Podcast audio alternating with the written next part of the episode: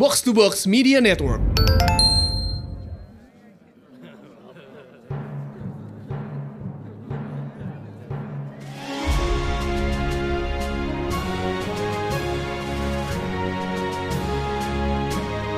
Hai adik-adik, udah pada kumpul semuanya. Kita siap-siap yuk mendengarkan dongeng Paman Geri edisi spesial akhir tahun.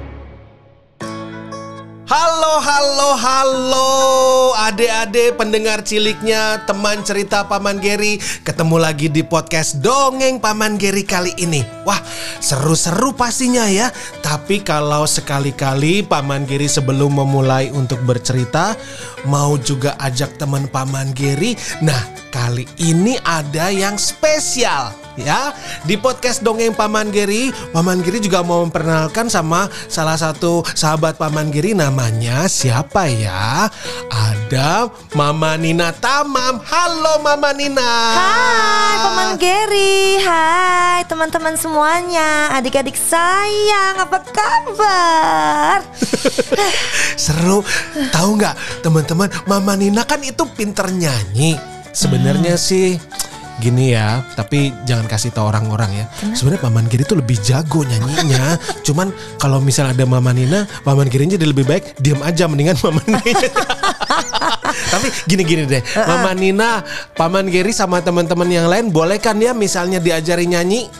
Ih boleh banget Mau belajar nyanyi kayak gimana? Belajar nyanyinya sambil bercerita. Uh boleh Seru Kapan, ya, seru kapan ya. mau nyanyi Sekarang, sekarang. Jadi adik-adik hari ini adalah podcast yang spesial. Podcast Dongeng Paman Giri bersama Mama Nina Tamam. Kita nanti akan bernyanyi-nyanyi. Yeah. Tapi, tapi tunggu dulu. Aku mau latihan dulu sebelum Mama Nina nanti nyanyi. Oke, ya boleh ya. Boleh, Kasih silakan. nilai ya Mama Nina Tamam Eh, ya. Boleh? Oke. Sepuluh? Ya, Oh, belum, ya? belum, Oh, belum. Oke oke belum Uh, lihat kebunku penuh dengan bunga. Bagus kan? Bagus Latihan lagi tapi Paman Geri boleh ya? Nggak apa-apa kok, betul. Semuanya bisa bernyanyi tapi memang Paman Geri harus perlu latihan ekstra. Jangan sedih. Kan nggak apa-apa, nggak semua orang harus bisa nyanyi. Nggak semua orang harus bisa melakukan apa yang bisa dilakukan oleh orang lain. Betul kan? Betul Mama Nina. ya udah kalau gitu sekarang kita bercerita yuk. Yuk. Di kaki sebuah gunung yang tinggi di negeri dongeng, ada sebuah kebun yang indah dan juga rapi. Kebun itu dihiasi berbagai jenis tanaman bunga dan juga pohon-pohon yang sangat rimbun. Wah, bagusnya. Kebunnya sangat asri, udaranya juga segar. Lihat, bunga-bunganya juga banyak yang sedang mekar. Memang, kalau kita memelihara tanaman, ya harus selalu rajin merawatnya. Ya kan Mama Nina ya? Supaya mereka tumbuh dengan baik dan indah.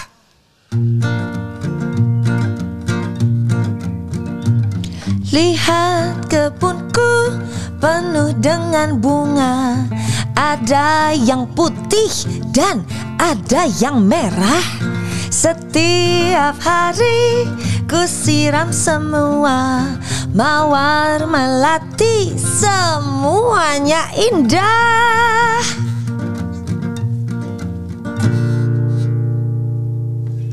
Nah, di kebun yang indah itu hiduplah sekelompok burung kutilang. Mereka senang tinggal di pohon-pohon yang tinggi.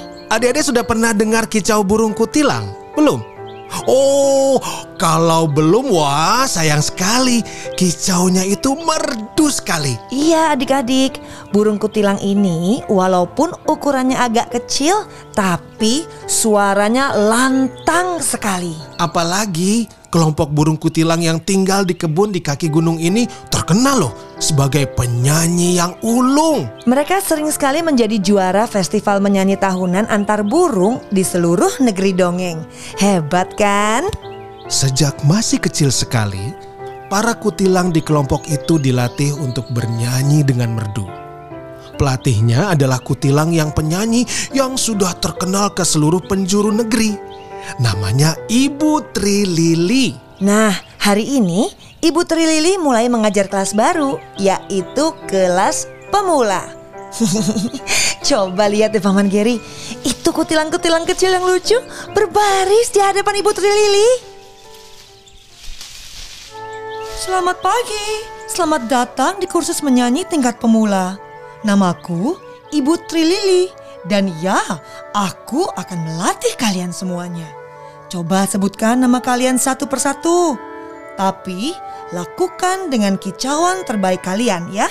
Maka para kutilang kecil pun memperkenalkan diri masing-masing. Di antara para kutilang di kelas pemula itu ada kutilang terkecil dan termuda bernama Cuit. Ia datang bersama saudaranya yang lebih besar namanya Lala. Mereka sama-sama gugup menunggu giliran namanya dipanggil Ibu Tri Lili.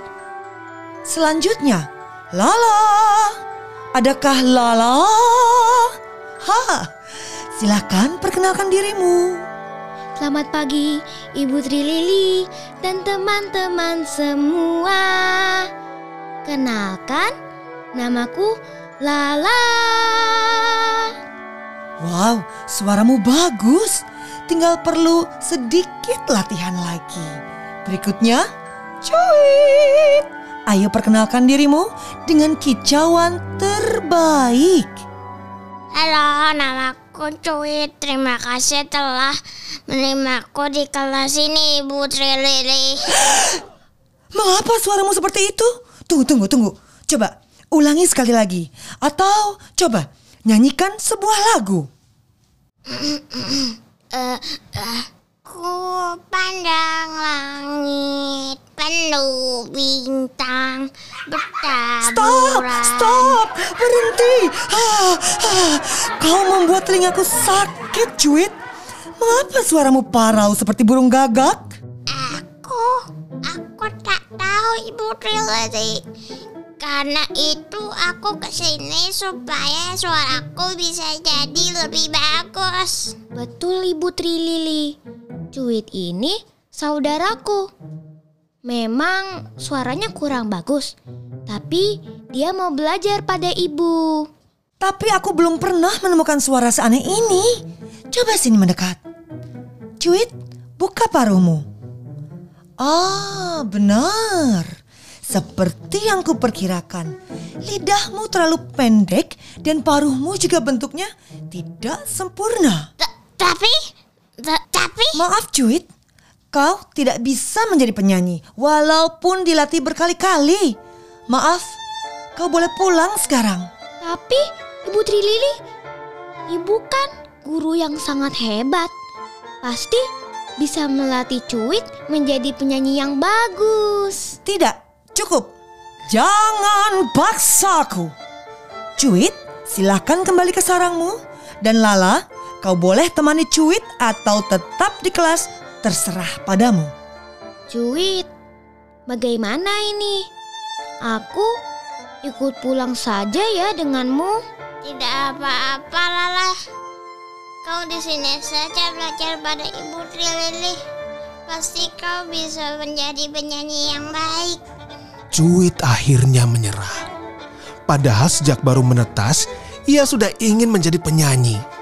Tapi karena bentuk fisiknya yang tidak sempurna, Cuit tidak bisa bernyanyi semerdu teman-temannya.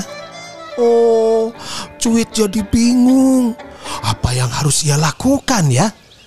Cuit pun terbang ke sana kemari seperti tanpa arah.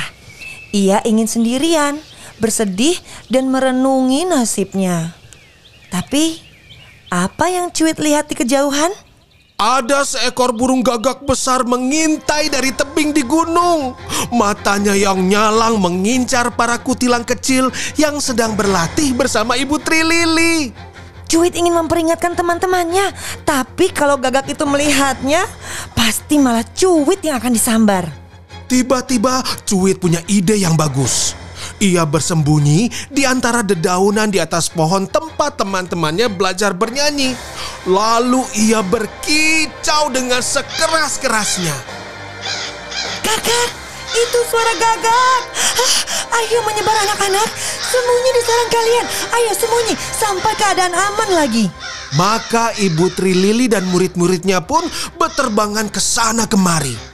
Mencari tempat perlindungan. Mereka takut burung gagak akan mengganggu mereka.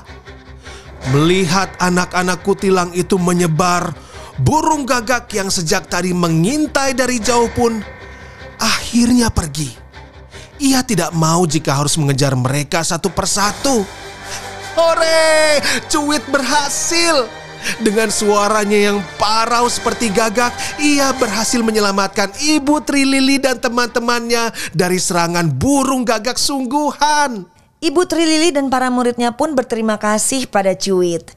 Ibu Tri Lili juga meminta maaf telah mengusir Cuit. Ia mengajak Cuit kembali ke kelas dan mengajarkannya bernyanyi bersama.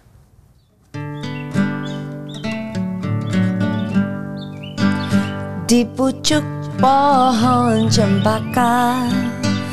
Burung kutilang berbunyi Bersiul-siul sepanjang hari Dengan tak jemu-jemu.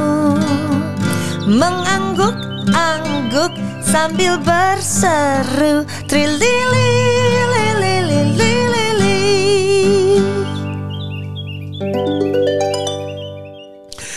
Nah, adik-adik teman ceritaku, itulah podcast dongeng Paman Geri kali ini yang berjudul Kisah Parau Si Kutilang. Paman Geri juga mengucapkan terima kasih untuk Mama Nina Tamam yang sudah ikut mendongeng di dongeng spesial akhir tahun kali ini ya.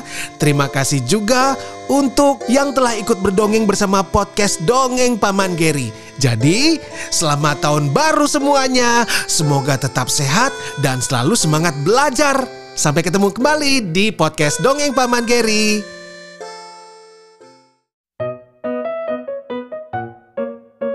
Nah adik-adik itu tadi dongeng Paman Geri edisi spesial akhir tahun Selamat tahun baru